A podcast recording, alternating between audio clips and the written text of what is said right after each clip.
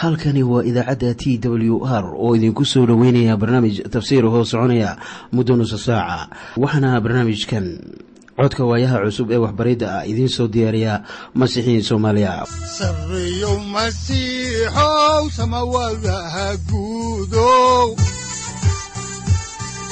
Siraadkii adduunkow subanaha eebow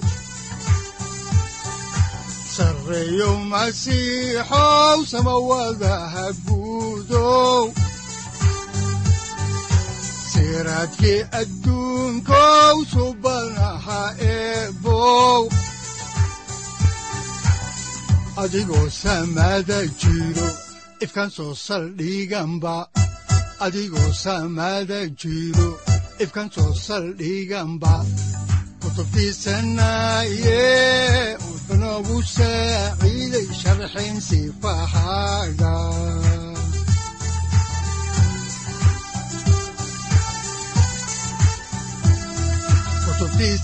kutubtiisinayow ebnagu saaciid sharxin sifahaaga ku soo dhowaada dhegeystayaal barnaamijkeena dhammaantiinba. Waxaannu horay u sii ambaqaadi doonnaa daraasaadkii la magac baxay baibalka dhammaantii. Waxaannu caawi idiin sii wadi doonnaa barashada kitaabka falimaha rasuullada. Kitaabka falimaha rasuullada waa kitaab taariikhiya oo ay tahay in qof waliba wax ka barto si uu ku garto taariikhda kitaabka axdiga cusub. Waxaanan caawi idiin sii wadi doonnaa cutubka sagaalaad oo aynu idinku soo bilownay casharkeennii hore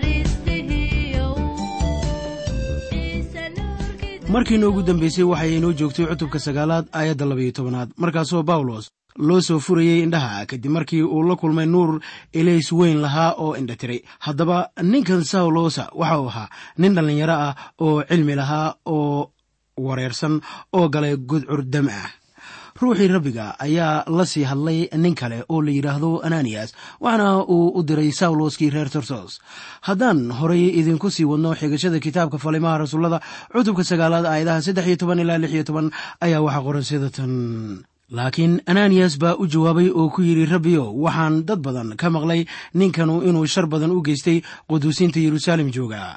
Halkanna waxa uu wadaadada sare ka haystaa amar inuu xirxiro kuwa magacaaga kugu yeero oo dhan laakiin rabbigu waxa uu ku yidhi soco maxaa yeelay waxa uu ii yahay weel aan doortay inuu magacayga hor keeno dadka aan yuhuudda ahayn iyo boqorrada iyo reer binu israa'iil.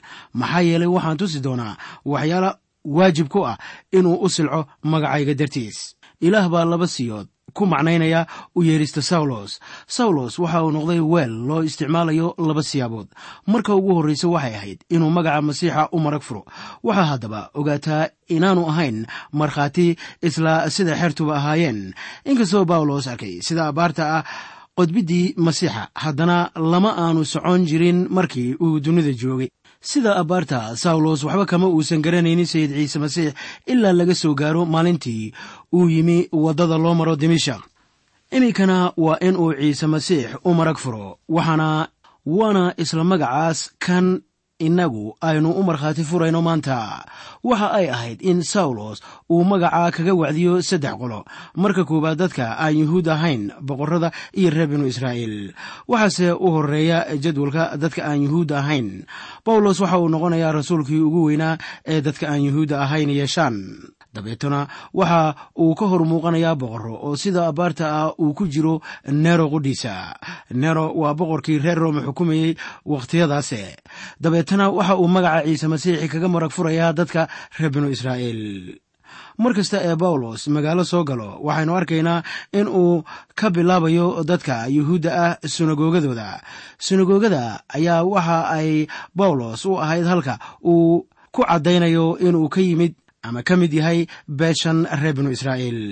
Markuu sunagoogada ka yimaado ayaa uu dadka aan yuhuudda ahayn ku xijin jiray wacdiska laakiin marka ugu horraysa waxa uu ku bilaabi jiray wacdiskiisa dadka aan yuhuudda ahayn. Sayidku waxa uu sawlos ku yidhi waxaan u muujin doonaa waxyaabo waaweyn oo uu magacayga ugu silco waxaana loo doortay bawlos inuu ciise masiix dartii u silco. Markaan fakeray ma jirin qof sayidka dartii u silcay oo la mid ahaa ama ku dhowaa bawlos. Ninnana odhan kari maayo dadka kale waan ka silic iyo rafaad badanahay ee maxaa ilaah iigu oggolaaday inaan sidaan ugu silco haddaba walaalayaal waynu dhibaataysnaan karaynaa in ka badan dadka kale oo dhan. Habase yeeshee ninna uma silcin sidii bawlos ugu silcay sayidka. Bal haddaynu dib ugu noqonno toobadkeenka xusuusta mudan ayaad xusuusan karaysaan inaan idinku niri hanuunka ama toobadkeenku waxa uu u baahan yahay ruuxa quduuska ah oo isticmaalaya hadalladii ilaah iyada oo la soo marsiinayo nin ilaah ka cabsada. Miyaa haddaba habkaa kore loo isticmaalay toobadkeenkii sawloskii reer torsos sayid ciise masiix qudhiisa u muuqday sawlos ka hor intaanu sayid ciise masiix ka tegin xertiisa waxa uu u sheegay inuu tegi doono laakiin aanu agoonnimo uga tegaynin. Waxa uu ka ballanqaaday in ruuxiisa quduuska ah uu soo diri doono taasina waa waxa ruuxu samaynayo sida ku qoran injiilka sida yuxanaa u qoray cutubka lix iyo toban aayadaha afar iyo toban ilaa shan iyo toban oo haddaan idiin aqrino leh wuu i ammaani doonaa waayo waxa igu qaadi doonaa wuuna idiin sheegi doonaa wax kasta oo aabbuhu leeyahay anigaa leh. Sidaa daraaddeed waxaan idhi waxa igu qaadaa wuuna idin sheegi doonaa. Waxaan iminka u malaynayaa in sayidkeennii sare kacay uu u muuqday sawlos taasoo ahayd si shakhsi ah oo ruuxii ilaahna uu furay indhihii ruux ahaaneed ee sawlos oo welibana uu xiray indhihiisii caadiga ahaa si uu u arko sayid ciise masiix markaana ruuxa quduuska ah waxa uu hayaa howl hadalladii ilaah halkeebay ka soo gelayaan hanuunka bawlos. Waa su'aal haddaba sawloskii reer tarsos waxa uu ahaa farrisi oo waxa uu garanayay wax badan oo ku saabsan hadalladii ilaah. Bilxaqiiqa haddii uu jiro nin garanaya oo ku gaamuray hadalladii ilaah waxa uu ahaa sawloskan reer tarsos. Markii qofku akhriyo waraaqihii uu u qorayey kiniisada ayaa waxaa u soo baxaya in sawloskan reer tarsos uu ahaa nin aqoon weyn u leh qorniinka. Markaana ruuxa quduuska iyo hadalladii ilaahba waa laga arkaya hanuunkii sawlos waxaa markaa aad isweydiin karaysaa saddexdii shay ee looga baahnaa hanuunka. In midi ka maqan yahay hanuunkii sawlos waxaana weeye inaan meesha lagu arkaynin qof loo soo maray toobadkeenkiisa haddaba inkastoo ayan jirin qof muuqda ayaan anigu rumaysanahay qofkii loo soo maray inuu sawlos gaarsiiyo injiilka inuu ahaa stefanos haddaba inkastoo ayan jirin qof muuqda oo la arki karayo ayaan anigu waxaan rumaysanahay in qofkii warka soo gaarsiiyey saulos uu ahaa stefanos stefanos waa kii ay yuhuuddu dishay. Markii uu ciise masiix ku wacdiyey madaxdii yuhuudda hortooda marka keliya ee labadaas nin ee dhallinyarada ah ay kulmeen ayaa waxay ahayd markii saulos uu la safnaa kuwii dilayey stefanos stefanos waxa uu eegayey samada oo waxau yidhi baleega waxaan arkayaa samooyinkii oo la furay iyo wiilkii aadanaha oo midigta ilaah taagan. Markaasaa sida abbaarta ah saulos samada eegay oo waxbana ma uu arki karin. Markaasuu haddana eegay wejigiisa oo waxa uu garanayay in stefanos uu wax arkayay. Inkastoo isaga sawlos ah aanu arkaynin. Waxaan rumaysanahay in sawlos rajo ka qabay in samooyinku furmaan oo uu isagoo qudhiisuba arko muuqaalka ilaah. Waxaana taasu dhacday markii uu ku joogay waddada loo maro dimashaq waxa uu ahaa ciise masiixi kii isku muujiyey isaga.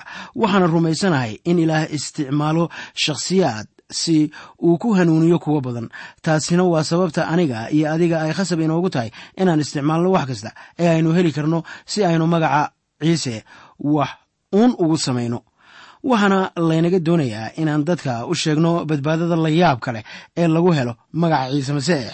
Waxaa mar waliba la doonayaa in qofuun u hadlo ciise masiix oo si muuqata u gaarsiiyo waxyaabaha ku saabsan masiixa qofka kale. Waxaana aan idiin sheegayaa saddexda lama huraanka u ah hanuunka ama toobadkeenka inay ahaayeen ruuxa quduuska ah hadallada ilaah iyo nin ilaah ka cabsada oo dadka gaarsiiya. Mid waxaa weeye haddaan idinkugu celiyo ruuxa quduuska ah kan kalena waxa weeye hadallada ilaah. Kan saddexaadna waxa weeye qofkii ilaah ka cabsada oo dadka hortooda ugu markhaati furo masiixa. Iminkana haddii aynu dib ugu noqonno sawloskii reer torsos oo jooga dimashaq ayaan arkaynaa in uu weli indhala'aa oo uu toobad keenayay. Inkastoo uu ahaa nin dhallinyaro ah ayaan idiin sheegayaa inuu wareersanaa ilaa iyo wakhtigii uu toobad keenayey markaana waxaa ruuxii quduuska ahaa u muuqday ananiyas oo waxaa lagu yidhi sawlos u tag oo soo caawi. Haddaan horey idiinku sii wadno xigashada kitaabka falimaha rasuullada ayaannu eegaynaa cutubka sagaalaad aayadda toddobiyo tobanaad. Waxaana qoran sida tan. Markaasaa ananiyas tegey oo gurigiisii galay oo intuu gacmihiisii dul saaray ayaa waxa uu ku yidhi walaal sawlosow rabbi ciise masiix oo kugu muuqday jidkaad ku timi baa ii soo diray inaan araggaaga ku siiyo ama aad araggaaga heshid iyo in ruuxa quduuska ahu kaa buuxsamo. Waxaa halkaa ka dhacay isbeddel la yaab leh. Waxaa weli loogu yeerayaa sawloskii reer torsos laakiin haatan waxa uu noqday walaal sawlos oo kol dambe sii ahaan maayo cadowga ciise masiix. Nin weliba ee jecel sayid ciise masiix ayaa walaal u ah mid kasta ee rumaysan ciise waase ayaan darro ama waxay noqonaysaa ayaan darro in walaalaha masiixiyiinta ah ee kiniisadda ayan u dhaqmaynin sida inay walaalo rasmi ah yihiin. Waxay ahayd in sawlos helo araggiisa xataa waxay ahayd in laga buuxiyo ruuxa quduuska ah. Waxay kaloo ahayd in ruuxa quduuska ah looga buuxiyo adeegga masiixa taasina waa khibrad lagu arkayo masiixi kasta oo dhaba. Waxaa lagu baabtiisay ruuxa quduuska markii uu joogay waddada loo maro dimashaq markaana haddaan dhanka kale ka eegno waxaa lagu badbaadiyey waddada aadda dimashaq laakiin badbaadintiisu ma kaamilayn ilaa ninkan ananiyas la yidhaahdo uu ugu yimi dimashaq oo uu ka buuxiyey ruuxa quduuska ah. Wuxuu haddaba sawlos noqonayaa mid u marag fura ciise masiix wuxuu helayaa miisaankiisa iyo weliba araggiisii ruux ahaaneed. Haddaan eegno aayadda siddeediyo tobnaad ee cutubka sagaalaad ayaa waxaa qoran sida tan oo markiiba waxaa indhihiisii ka dhacay wax u eg wuuna helay araggiisii markaasuu kacay oo waa la baabtiisay. Waxaa iminka lagu baabtiisay biyo taasoo calaamad u ah oo lagu shaabadaynayo hanuunkiisan. Biyaha shaqo kuma lahan badbaadada qofka. Isaga waxaa baabtiisay ruuxa quduuska waxaana taa loola jeedaa in lagu badbaadiyey waddada loo maro dimashaq markii ananiyas saaray gacmaha ayaa laga buuxiyey ruuxa quduuska si uu ugu adeego masiixa. Iminkana waxaa lagu baabtiisayaa biyo. Haddaan horay idinku sii wadno xigashada kitaabka ayaannu eegaynaa kitaabka falimaha rasuullada cutubka sagaalaad aayadda sagaaliyo tobnaad waxaana qoran sida tan cunto buuna cunay waana xoogaystay haddaba dhowr maalmood ayuu la joogay xertii dimashaq joogtay. Haddaba iminka waxaannu soo gaarnay markhaati furkii sawlos markuu joogo dimashaq si bal aynu markhaati furka sayidka aynu wax uga ogaanno ayaannu wadaynaa xigashada kitaabka falimaha rasuullada cutubka sagaalaad aayadda labaatanaad waxaana qoran sida tan oo markiiba sunagogyada dhexdooda ayuu dadka kaga wacdiyey ciise inuu yahay wiilkii ilaah. Sawloskii reer tarsos ayaa iminka bilaabaya inuu dadka la wadaago masiixa maxaa taas sabab u ah? Waxa sabab u ah waxay tahay in iminka laga buuxiyey ruuxa quduuska. Waxa uu bilaabayaa inuu kaga wacdiyo masiixa sunagogyada. Saaxiibayaal waxaa la doonayaa inaad marka hore ogaataan kan masiixu yahay. Ka hor inta aydan rumaysan wixii uu kuu sameeyey. Waxa uu u dhintay inuu bixiyo ciqaabta dembiyadaada waxaana taas sabab u ah waxa weeye in isagu uu yahay wiilkii ilaah oo u dhiman karay dembiyadaada anigu dembiyadaada uma dhiman karo adiguna kuwayga uma dhiman karaysid. Mana jiro mid ka mid a bani aadanka oo u dhiman kara qof kale dhimasho uu ku soo furanayo. Masiixa oo keliya ayaa taas samayn karay waayo isagu waxa weeye wiilkii ilaah taasina waa tallaabada ugu horraysa ee ay tahay inaad ogaato. Haddaba markaan idin leenahay wiilkii ilaah ayaa laga yaabaa in aad aad iyo aad kaga xumaataan. Habase yeeshee reer binu israa'iil oo dhan ayaa la oran jiray iyagu waa wiilashii ilaah oo taasina waxay ku qoran tahay haddii aad ka shakisan tahay kitaabka axdigii hore kitaabkiisa baxniintii. Waxaanaad arki doontaa in reer binu israa'iil loogu yeeri jiray inay yihiin wiilashii ilaah haddaan horey idinku sii wadno xigashada kitaabka ayaannu iminka eegaynaa kitaabka falimaha rasuullada cutubka sagaalaad aayadda koob iyo labaatan ilaa laba labaatan waxaana qoran sida tan. Dadkii maqlay oo dhammu way yaabeenoo waxa ay yidhaahdeen kanu sow ma aha kii yeruusaalem ku layn jiray kuwa magacaa ugu yeeri jiray oo sababtaa ayaa uu halka u yimi inuu iyagoo xirxiran hor keeno wadaadada sare. Laakiin sawlos xooggiisiibaa u sii kordhay wuuna wareeriyey yuhuuddii dimashq joogtay isaga oo caddaynaya inuu kanu yahay masiixa. Sawlos waxa uu ka yaabiyey yuhuuddii markii uu ku wacdinayey magaca masiixa. Sawloskii reer tarsos wuxuu u horreeyey ama hurmood u ahaa waxyaabo fara badan waxaana ka mid ahaa silaca wargeynta cilmiga iyo inaan hadal dood looga adkaanin. Haddaan horey idinku sii wadno xigashada kitaabka falimaha rasuullada ayaannu eegaynaa cutubka sagaalaad aayadaha saddex iyo labaatan ilaa iyo shan iyo labaatan. Waxaana qoran sida tan oo markii maalmo badan ay dhaafeen ayay yuhuuddii tashadeen inay dilaan laakiin sawlos waa ogaaday tashigoodii. Haddaba habeen iyo maalinba irdaha magaalada bay ka fiirin jireen inay dilaan laakiin xertii baa habeen qaaday oo derbiga ka sii daysay iyaga oo dembiil ku dejinaya. Markii yuhuuddu ay arkeen inaanay hadal uga adkaanaynin ayaa ay door bideen xirfad kale waxaana ay ahayd inay ka takhallusaan cadowgoodan. Waxaan hubaa inay ahayd wax cabsi badan in inta dembiil lagugu rido derbi lagaa tuuro. Haddaba meel kasta ee uu aado waxa uu ka hadlayaa oo keliya injiilka. Laakiin kalama hadlin innaba wax ku saabsan khibradaha xanuunka badan ee kala soo gudboonaada in uu warka wanaagsan gaarsiiyo dadka.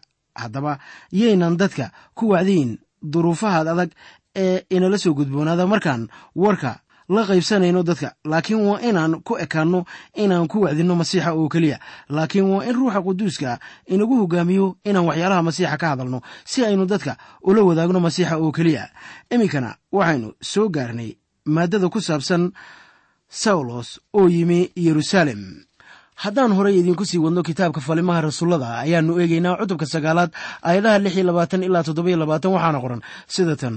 Oo kolkuu yeruusaalem yimid waxa uu isku dayey inuu xertiisa ku darsamo. Dhammaantoodse waa ka cabsadeen maxaa yeelay ma ay rumaysneen inuu xer yahay.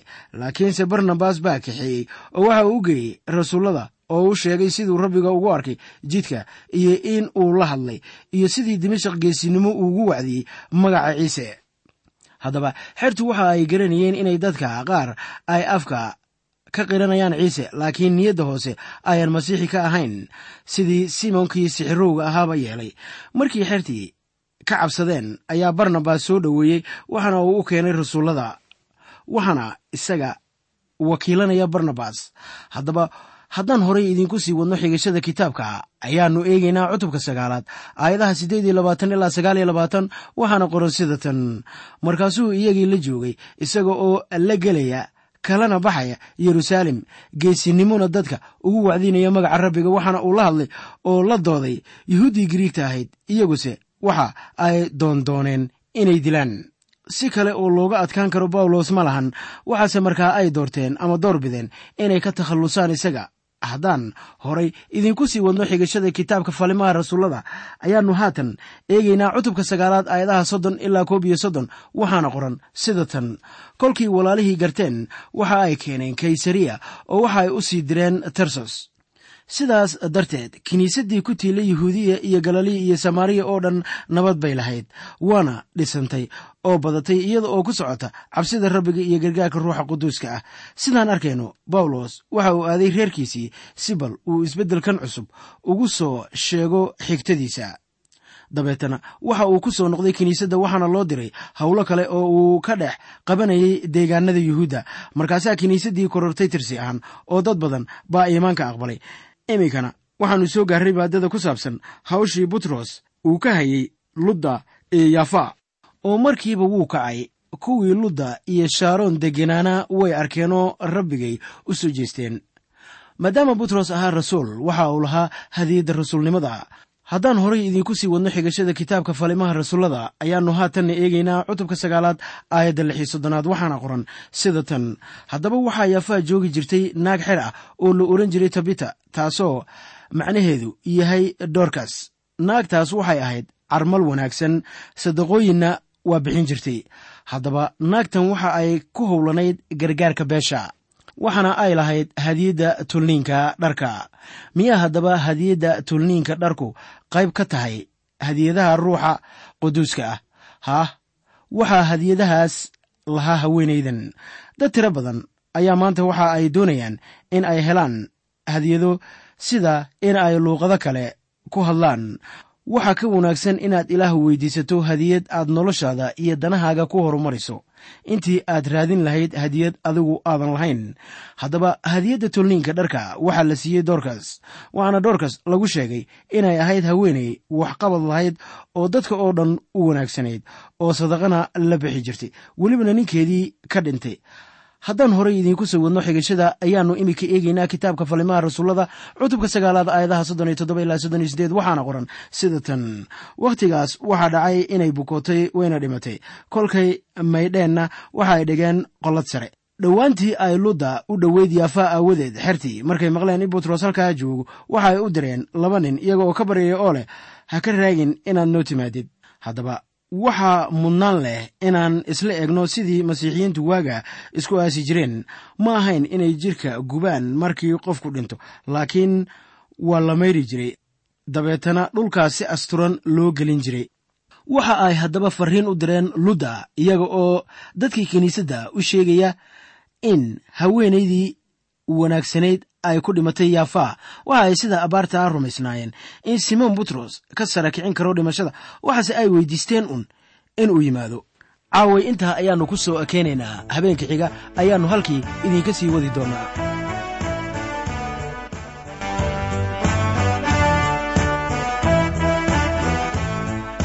Cibsiyo cuskasho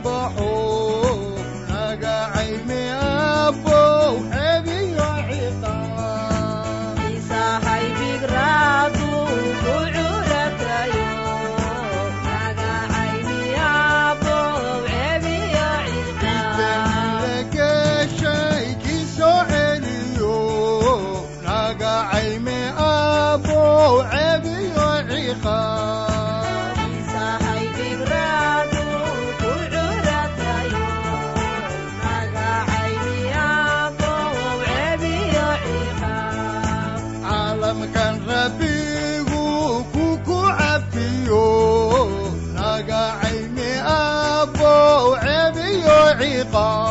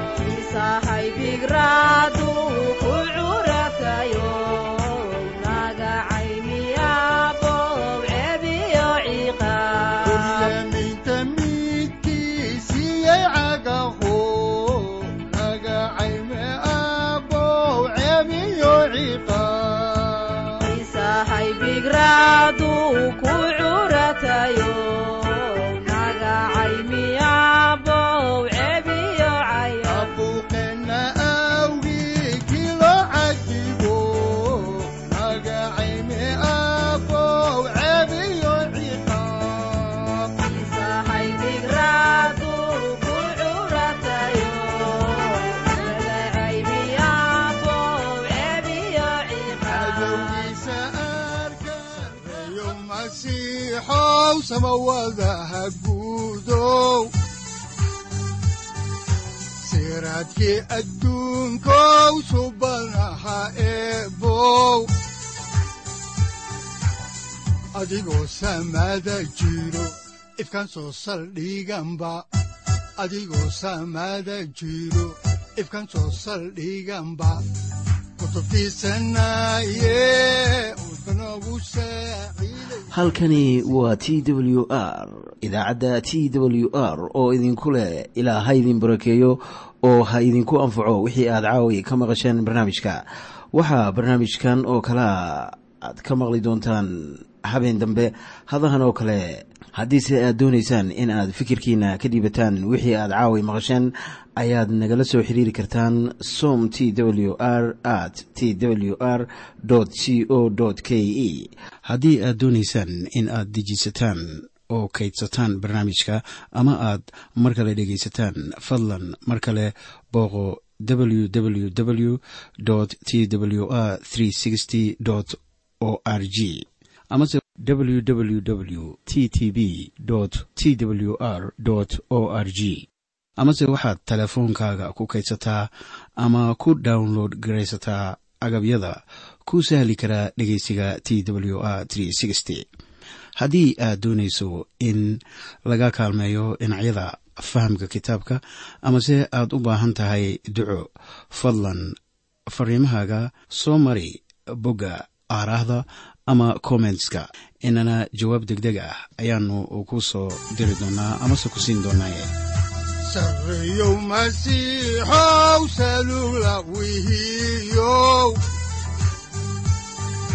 saacadda timid dhulka sabada ku dhalatiyo